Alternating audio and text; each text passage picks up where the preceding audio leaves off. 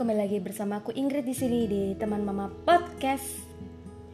Episode keempat kali ini kita nggak ngebahas tentang parenting, tapi kita nggak bahas tentang kesehatan. Nah, udah tahu belum kesehatan apa sih yang mau dibahas kali ini? Bagi para mama yang udah ngikutin IG story aku beberapa hari yang lalu, aku sempat nge-share tentang retina lepas. Nah, retina lepas ini sebenarnya kasus yang lumayan cukup banyak karena um, aku melihat di rumah sakit yang aku berobat ada sekitar 8 orang yang mengalami retina lepas. Jadi memang ini banyak sekali dialami oleh orang tua. Tapi kenapa aku bisa kena? Nah, ini aku mau share. Jadi buat para mama yang punya temen, punya orang tua yang mungkin sama seperti aku bisa ngedengerin cerita aku supaya kalian mendapatkan informasi dan kalian bisa semangat untuk menjalani pengobatan seterusnya. Karena memang kalau retina lepas ini recovery-nya cukup lama dan butuh perjuangan sebenarnya. Oke untuk singkatnya aku mau cerita kenapa aku bisa kena retina lepas ini jadi dari tahun lalu 2018 pada bulan November itu pada awal bulan aku merasakan ada keganjilan di mata kanan aku. Oke, sebelum sorry sorry sebelum aku cerita ini, aku mau cerita dulu riwayat aku ya sakit mata aku. Jadi aku itu punya bawaan dari lahir tokso dan tokso ini ada di kedua mata aku kiri dan kanan. Memang uh, toksonya ini berbeda tempat. Kalau di sebelah kiri dia itu tidak kena retinanya tetapi ada di bagian bola mata paling bawah. Sedangkan kalau yang kanan itu benar-benar kena di retinanya sehingga memang dari aku kecil sampai kemarin aku operasi retina itu penglihatan sebelah kanan aku memang kurang kurang banget lah jadi aku nggak bisa melihat dengan normal walaupun sudah memakai kacamata. Karena itu juga kenapa dari dulu banyak teman-teman aku yang nanyain Grit lu kenapa sih? Kok mata sebelah kanan lu nggak bisa fokus? Kok mata lu jereng sih? Kok ini sih? Kok itu sih? Ya itu aku nggak bisa jelasin ke kalian semuanya karena menurut aku agak susah untuk jelasin buat mereka. Ya hanya ada beberapa orang aja yang aku jelasin Oke, setelah aku udah tahu nih kena tokso waktu kecil, aku mulai sadar itu dari SD karena dari SD itu aku bener-bener nggak bisa ngelihat ke papan tulis, susah untuk ngelihat sekitar aku dan akhirnya aku berobat. SMP akhirnya aku minum obat. SMP, SMA sekitar 3 atau 4 tahun, aku lupa. Pokoknya aku menjalani pengobatan tokso itu sekitar 3 sampai 4 tahun dan aku berobat pertama kali untuk periksa mata itu di Aini yang kedua aku di ahli tokso di RSCM waktu itu ada klinik khusus untuk tokso. Tapi sekarang udah nggak ada dan profesor juga udah nggak ada nggak tahu ke mana. Uh, jadi aku stop untuk pengobatan.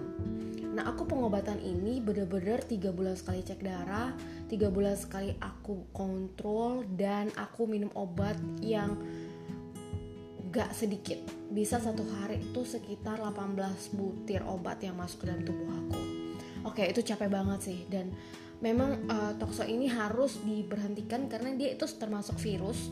Nah virus ini kalau misalnya daya, daya tahan tubuh kita lemah virus itu akan aktif lagi. Dan kalau misalnya daya, daya tahan tubuh kita kuat dan itu dia non aktif nah tokso ini nggak bisa dihilangin guys. Guys mah uh, ini nggak bisa dihilangin karena dia semacam luka koreng gitu. Dan uh, aku nggak bisa nunjukin ya hasil ronsen aku.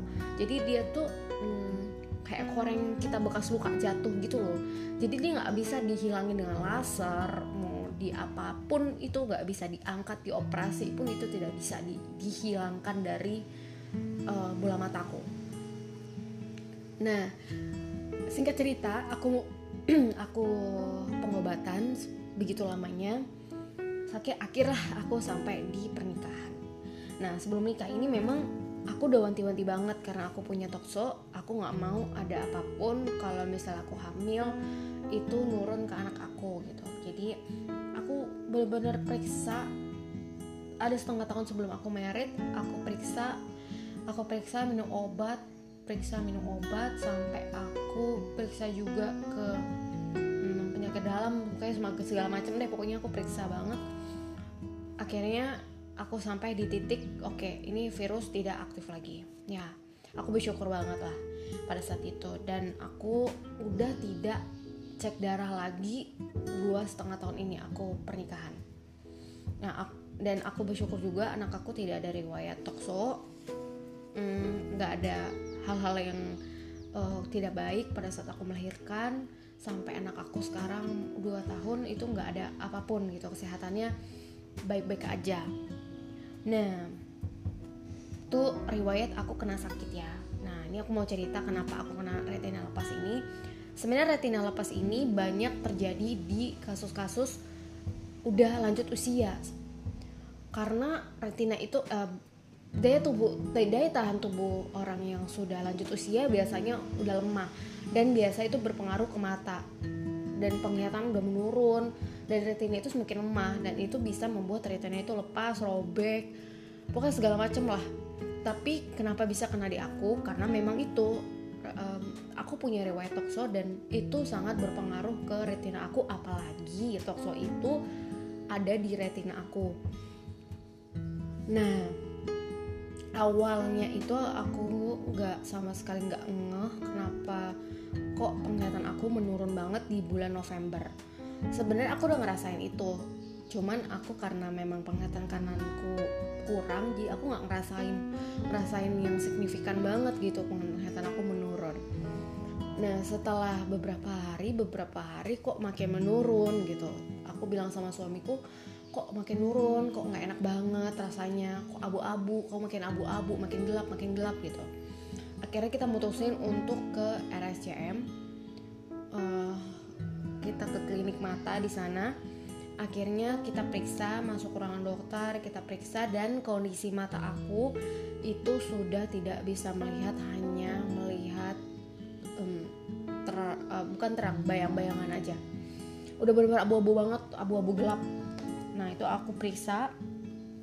Dan dokter bilang bahwa retina aku lepas plus syaraf-syaraf di mata aku itu sudah lengket satu sama lainnya. Dan nggak ada cara lain kalau itu harus dioperasi dan ditempelkan lagi retinanya. Jujur di situ aku benar-benar nggak tahu mau ngomong apa kaget juga dan aku nggak nggak terpikirkan bakal terjadi seperti ini gitu. Akhirnya kita tanya juga sama dokter dok ini gimana? Apakah kalau setelah operasi kita bakalan bisa ngelihat lagi atau enggak? Gitu kan. Karena ya siapa sih yang nggak mau bisa ngeliat lagi kan. Nah dokter ini memang nggak ngomong yang baik gitu. Maksudnya cara penyampaiannya tuh menurut aku tuh nggak nggak nggak layak lah. Aku kayak begitu kayak menurunkan menurunkan semangat orang gitu loh. Dia ngomong e, saya nggak bisa ngejamin. Uh, berapa berapa persen ya tidak bisa melihat lagi dia bilang gitu. Duh hancur banget hati bener-bener kacau nggak tahu mau ngomong apa. Akhirnya di, kami aku dan suami ngomong oke okay, dok kita akan diskusin lagi. Hmm, nanti kita balik lagi gitu kita ngomongnya begitu. Tapi dijujur di situ sih kayak hmm, bisa sih sebenarnya dokter itu menjelaskan hmm, karena begini begini begini begini ya kayaknya agak susah untuk sembuh kembali gitu. Tapi ini enggak dia langsung uh, ngomong ya kemungkinan untuk melihat tuh kecil dia bilang gitu. Oke okay, akhirnya kita pulang dan aku juga sempat ngomong sama suamiku ke bahwa aku tidak mau dioperasi. Karena menurut aku aku terima gitu. Tuhan mau ngasih aku kejadian ini berarti Tuhan punya rencana rencana yang lain buat aku. Kalaupun aku operasi kalau aku nggak bisa ngeliat lagi itu buat aku bener-bener jadi down banget gitu. Aku nggak ada mikir bahwa aku bisa ngeliat atau enggak. Itu nggak ada sama sekali terpikiran oleh aku. Aku cuma memikirin gimana suami aku dan anak aku gimana gitu. Dan aku pulang aku ngomong ke orang tua bahwa e, gini gini gini mataku akhirnya orang tua bilang oke okay, kita cari second opinion. Jujur di situ sih aku juga cerita kalau aku tidak mau dioperasi. Nah akhirnya kita cari dokter kita ketemu kita keinget sama satu dokter yang dulu nenek aku pernah juga sama dia dan dia cuma ada di Jakarta Eye Center di Menteng. Akhirnya kita memutusin beberapa hari kemudian uh, seingat aku aku ketemu ke dokter hari Selasa lalu aku balik lagi ke JSC itu hari Kamis. Dua hari ya. Dan aku ke JSC terus habis itu aku ketemu salah satu dokter ini namanya Yaman Ginting. Uh, dokter Ginting ini bilang bahwa mataku tuh bener-bener sudah rusak sekali dan dia bilang nggak ada jalan lain kecuali operasi. Berhubung dia udah tua banget jadi dia mengoper aku ke dokter air retina yang lainnya. Dan dia salah satu dokter retina yang terbaik di JC nah itu dokter Girsang.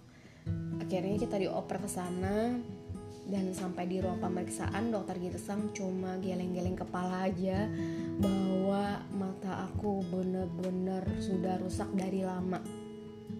Dan dia sangat menyayangkan kenapa aku tidak berobat ya belakangan ini gitu loh. Kenapa udah sekarang tuh udah nggak bisa ngeliat apa-apa kok baru dateng gitu loh. Dan kasus ini kasus yang retinal pas ini sebenarnya udah beberapa hari yang lalu dan udah lama lah waktunya itu udah lama banget. Kenapa nggak dari kemarin-kemarin gitu?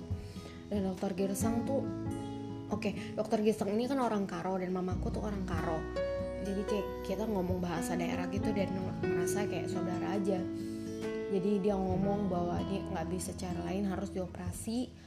Dan operasi ini harus dilakukan secepatnya. Dia sih nyaranin besok harinya hari Jumat. Cuman kayak aku nggak nggak siap lah. Aku nggak siap mental gitu untuk dioperasi saat itu juga besoknya. Akhirnya aku bilang oke okay, dok minggu depan aja deh kita operasi.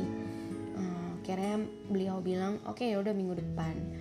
Nah waktu itu sebenarnya kenapa aku mau dioperasi? Kita juga nanya dok gimana? Konsekuensinya kalau misalnya nggak dioperasi. Dan dokter Gisang bilang kalau nggak dioperasi mata kamu akan cacat. Masa mau sih umur 27 tahun kamu udah matanya cacat seumur hidup? Gitu. Karena kalau misalnya itu tidak dioperasi berarti retina dan pembuluh-pembuluh darah di mata itu kan tidak ada lagi uh, aliran darah yang bekerja di dalam mata gitu.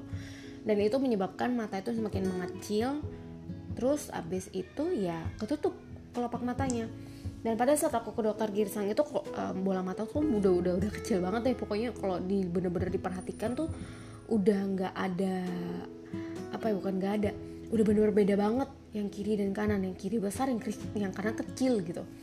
Dan dokter Girsang bilang masa sih kamu mau? Hanya orang orang orang bodoh lah nggak mau dioperasi. Ya gitu gitulah dokter Girsang yang ngomong. Akhirnya aku mau dioperasi dan operasi tersebut ada dua cara sebenarnya kalau untuk retina lepas ini. Yang pertama itu digas. Jadi kalau digas itu hmm, disuntikin gas ke mata untuk mendorong si retina itu ke posisi semula. Yang kedua itu silikon. Nah biasa silikon ini di kasus-kasus yang memang cukup berat lah. Jadi silikon ini disuntikan juga ke dalam mata dan dia itu membuat uh, lapisan dan lapisan itu mendorong mendorong ke retina ke posisi semula lagi. Oke okay, akhirnya dia putusin kalau aku tuh harus um, yang silikon gitu karena memang udah cukup rumit lah. Per permasalahan mataku tuh udah rumit. Akhirnya kita okein dan setelah aku dari dokter Gesang aku menjalani um, tes tes tes darah tes uh, syaraf mata fokus mata dan lain-lain untuk persiapan untuk hari Selasa Nah, sebenarnya operasi ini hanya 45 menit. Tapi untuk aku ini kemarin dua setengah jam karena ya rumit banget lah kata dokter gitu sang. Nah kemarin itu tuh hmm, sorry kemarin itu pada saat aku operasi aku harus uh, kan itu operasinya hari Selasa aku harus masuk hari Senin. Nah sebenarnya aku tuh kan ada tercover oleh asuransi perusahaan keluargaku. Eh keluarga aku kan suamiku di kantor. Cuma memang um, untuk batas operasinya itu ada tiga macam. Ada yang kecil sedang besar. Memang ya itu cukup mahal sih operasinya sekitar 60 juta kita harus keluar uang sekitar 60 juta karena operasi ini operasi cukup besar aku harus bius total juga dan peralatan yang gunakan juga cukup rumit mataku juga rumit eh pokoknya semua udah udah rumit lah. Jadi memang butuh waktu yang cukup lama dalam operasi. Nah kemarin tuh aku operasi ada dua jam setengah. Itu di luar dugaan sih karena pada saat operasi itu dokter Gerson cuma ngomong 45 menit. Ternyata dua setengah jam. Dan uh, dokter Gerson menjelaskan dia mengerjakan itu bener-bener sampai syaraf-syaraf terkecil itu dibenerin gitu sama dia. Dan uh, operasi berjalan dengan lancar bersyukur juga ditemenin sama keluarga. Dan aku mohon maaf banget untuk teman-teman yang nanyain aku di uh, terutama di IG aku kenapa kenapa ini kenapa itu? Dan aku tidak menjawab karena memang aku udah sepakat bersama keluargaku untuk tidak memberitahukan ini ke siapa pun. Termasuk ke tante om dan segala macam itu nggak ada yang tahu sama sekali cuman bener-bener keluarga inti keluargaku dan keluarga suami. Uh, alasan aku kenapa tidak mau diberitahukan yang pertama aku benar-benar mau fokus dengan pengobatan ini dan ini benar-benar suatu hal yang aku benar-benar apa ya hmm, sedih iya um, hancur iya. Dan aku benar-benar mau fokus aja gitu dengan pengobatan ini operasi ini pengobatannya segala macem. Aku mau fokus aja jadi aku nggak mau ada gangguan-gangguan dari uh, saudara-saudara atau pertanyaan-pertanyaan yang lain-lain gitu. Jadi aku memutuskan oke okay, nanti kalau kita udah selesai operasi ya barulah ngomong ke keluarga gitu. Dan kita juga nggak mau merepotkan keluarga karena pada saat itu kita tahu um, keluarga juga lagi banyak-banyak masalah jadi kita nggak mau mengganggu um, pikiran mereka gitu. Dan setelah operasi rasanya apa? Rasanya itu kayak ada yang ganjel-ganjel di mata. Tapi nggak sakit sih karena memang canggih banget. Aku sih salut banget lah obat-obatan sekarang tuh canggih-canggih banget waktu aku sesar aja pun aku nggak ngerasain sakit. Ya sakit tapi tapi nggak yang sakit-sakit banget gitu. Nah waktu kemarin itu bener-bener gak ada rasa sakit. Mataku juga nggak sakit cuma yang yang rasa nggak nggak nyaman aja. Kalau kedap-kedip gitu kayak nggak nyaman. Disuntikin obat suntikin uh, anti nyeri lah segala macem.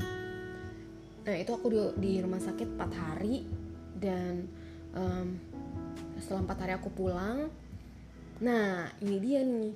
Kalau operasi retina mata itu ternyata butuh juga recovery yang pol kenapa pol pertama aku harus tidur tengkorap minimal 8 jam per hari. Aku dikasih bantal yang tengahnya bolong itu loh. Um, cuman memang ya gimana ya kita kan bisa kan tidur miring kan ini tong bener-bener tengkurap dan itu minimal 8 jam per hari. Awal-awal aku nggak bisa jujur aja. Aku cuma bisa 10 menit istirahat setengah jam. 15 menit istirahat setengah jam. Sampai aku hitungin pakai stopwatch aku udah berapa lama gitu tengkurapnya. Dan itu harus uh, ada yang minimal sih sebenarnya minimal tuh dua minggu. Cuman kalau aku kemarin itu sampai bulan Maret itu aku masih tidur tengkurap. Hmm, ya tidur tengkurap terus abis itu tidur tengkurap 8 jam. Ambil itu aduh rasanya enak banget sesak. Terus badan tuh sakit-sakit karena kan sebenarnya kalau tidur tengkurap itu kan agak melengkung dikit ya punggungnya jadi gak enak banget. Terus aku nggak boleh ngangkat-ngangkat berat. Aku nggak boleh mm, ngeden aku nggak boleh batuk aku nggak boleh pilek aku nggak boleh ngomong kenceng-kenceng teriak-teriak itu nggak boleh uh, pokoknya aku nggak boleh ngelakuin aktivitas yang berat-berat. Dan aku dua bulan bed rest. Aku nggak pelayanan aku juga nggak ke gereja. Gereja aku tentunya karena aku aku nggak enak gitu karena aku masih diperban itu sampai bulan Februari. Dan sampai sekarang pun aku masih diperban kalau di rumah karena takut kena anak aku. Nah jadi aku tuh um, menghindar dari pertanyaan-pertanyaan orang gitu jadi aku gereja di gereja lain dulu sebulan dan akhirnya oke okay, mau Natalan nih. Udahlah balik lagi ke gereja kita gitu. Uh, pokoknya aku bener-bener harus bed rest. Sampai kemarin ya aku juga bersyukur setiap kali aku kontrol waktu dua bulan operasi itu seminggu sekali aku kontrol karena ngelihat posisi silikon dan retina ini kan benar-benar rentan banget. Dan aku juga harus meneteskan obat awal-awal 9 obat dengan rentan waktu 2 jam sampai 3 jam. Itu harus ditetes tiga kali tiga tetes satu obat dan 9 kali. Aduh gak kebayang deh. Capek banget dan itu berkurang jadi 9 jadi 6 jadi 5 akhirnya sekarang jadi dua dan uh, kalau sekarang ya rentan pemberian obatnya tuh kayak hanya empat kali sehari dan satu tetes aja jadi nggak begitu berat lagi. Dan aku bersyukur bersyukur banget kemarin aku check up oke udah satu satu minggu setengah yang lalu aku check up. Aku bersyukur banget kalau mata kanan aku udah bisa melihat hmm, balance. Balance nya itu arti kata yang sebelah kanan itu udah bisa ngelihat dengan terang kalau mata sebelah kiri aku masih agak uh, eh mata sebelah kanan tapi yang di bagian kiri bawah itu masih agak buram lah. Belum bisa melihat dengan um, sejelas yang bagian sebelah kanan. Tapi aku bersyukur banget. Dan kemarin aku periksa ke dokter. Dia bilang uh, ini retina kamu sudah ada ke posisi awal. Habis itu kita harus laser. Laser pada saat itu juga aku disuruh laser untuk bilang uh, eh untuk mata aku tuh supaya bisa melihat dengan jelas lagi gitu. Lebih lebih terang lagi lah kata dokter Giresang jujur aku tuh nggak nggak ada persiapan apa-apa. Aku cuma sendiri ke dokter Giresang aku takut aku nggak tahu mau ngomong apa. Terus tahu nggak yang bener-bener aku di luar aduh dugaan aku bener Tuhan tuh baik banget. Tuhan tuh tahu banget gitu loh. Dan di situ dokter Giresang bilang oke okay, aku ngasih ini gratis sama kamu. Nggak nggak nggak nyampe di pikiran aku gitu loh. Kok dia bisa aja gitu ngasih ngasih gratis? Karena emang itu rumah sakit rumah sakit dia kan nggak juga gitu. Aku nggak tahu uh, dia beneran beneran kasih gratis nggak sih gitu kan. Terus akhirnya dia cerita sama aku. Jadi bulan lalu itu uh, si dokter Gersang ini ada conference di Eropa dan dia bilang kalau dia membawa kasus mataku ini ke conference tersebut untuk presentasi. Dan dia juga bilang waktu aku dioperasi itu ternyata aku di videoin karena memang nggak belum ada pernah kasus seperti aku yang mata mataku tuh retina itu kena tokso dan bukan dari lahir tidak terkena pada saat aku udah besar. Udah seperti itu uh, bener-bener rumit banget cara syafat lengket dan segala macam dan retina tersebut bisa nempel kembali. Itu yang buat dia tuh kayak wah ini bener-bener kasus kasus yang bener-bener apa ya nggak ada belum ada belum pernah ada gitu. Jadi dia presentasi di sana. Ya aku sempet kayak di dalam hatiku oh mungkin di laser ini hadiahnya kali Sony minta maaf juga karena nggak nggak ngomong sama aku gitu kan. Ya aku bilang oh ya dok terima kasih dok ya bersyukur ya dok gitu. Oke akhirnya aku laser. Lasernya nggak lama paling cuma tiga menit atau lima menit gitu. Rasanya nggak ada rasa kayak ya karena di bios lokal ya ditetesin obat gitu. Dan rasanya kayak apa ya digigit semut nggak nyut nyutan aja sih. Cuma nggak nggak sakit sakit banget. Ya aku bersyukur banget deh kemarin juga uh, laser itu bener-bener gratis jadi aku nggak ada bayaran tambahan sedikit pun. Uh, dan mataku sekarang juga udah mulai terang. Memang mesti butuh untuk recovery lagi. Oh ya untuk silikon ini itu harus diambil lagi silikonnya. Jadi aku akan operasi ulang kedua. Kalau nggak bulan Mei awal bulan Juni aku akan operasi lagi dan itu juga butuh recovery lagi. Yang cukup lama juga. Jadi aku mohon doanya untuk para mama semuanya. Semoga aku bisa menjalani operasi yang kedua untuk pengangkatan silikon berjalan dengan baik lagi dan lancar. Terima kasih juga untuk teman-teman yang udah um, mau dengerin sharing aku untuk ngasih aku support doa selama ini. Mohon maaf kalau aku telat untuk ngomong ini. Terus semoga info yang aku berikan bermanfaat buat kalian semuanya. Kalau kalian punya pertanyaan-pertanyaan atau yang mau nanya tentang uh, retina lepas ini kalian bisa DM aja aku langsung di Instagram di Ingrid Lase ada di profil aku di Spotify. Terus abis itu kalau kalian juga mau ada saudara yang mau operasi retina berikan semangat ke mereka bahwa kalian bisa sembuh Oke, itu yang kunci utama itu semangat sebenarnya. Dan aku bersyukur juga dokter Girsang adalah salah satu dokter yang mensupport aku, bener-bener support aku. Habis itu dia yang detail banget jelasin ya, baik hati banget. Pokoknya, aduh nggak tau deh. Aku bener-bener baru pertama kali ini ketemu dokter yang sebaik itu selain dokter Andrew, dokter uh, kandungan aku.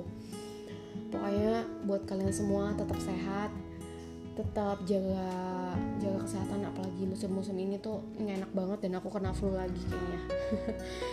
Dan oke okay, sampai jumpa di podcast episode kelima dan kita akan ngebahas tentang apa ya tunggu aja nanti hmm, minggu ini deh. Minggu ini aku akan publish untuk episode kelima oke? Okay?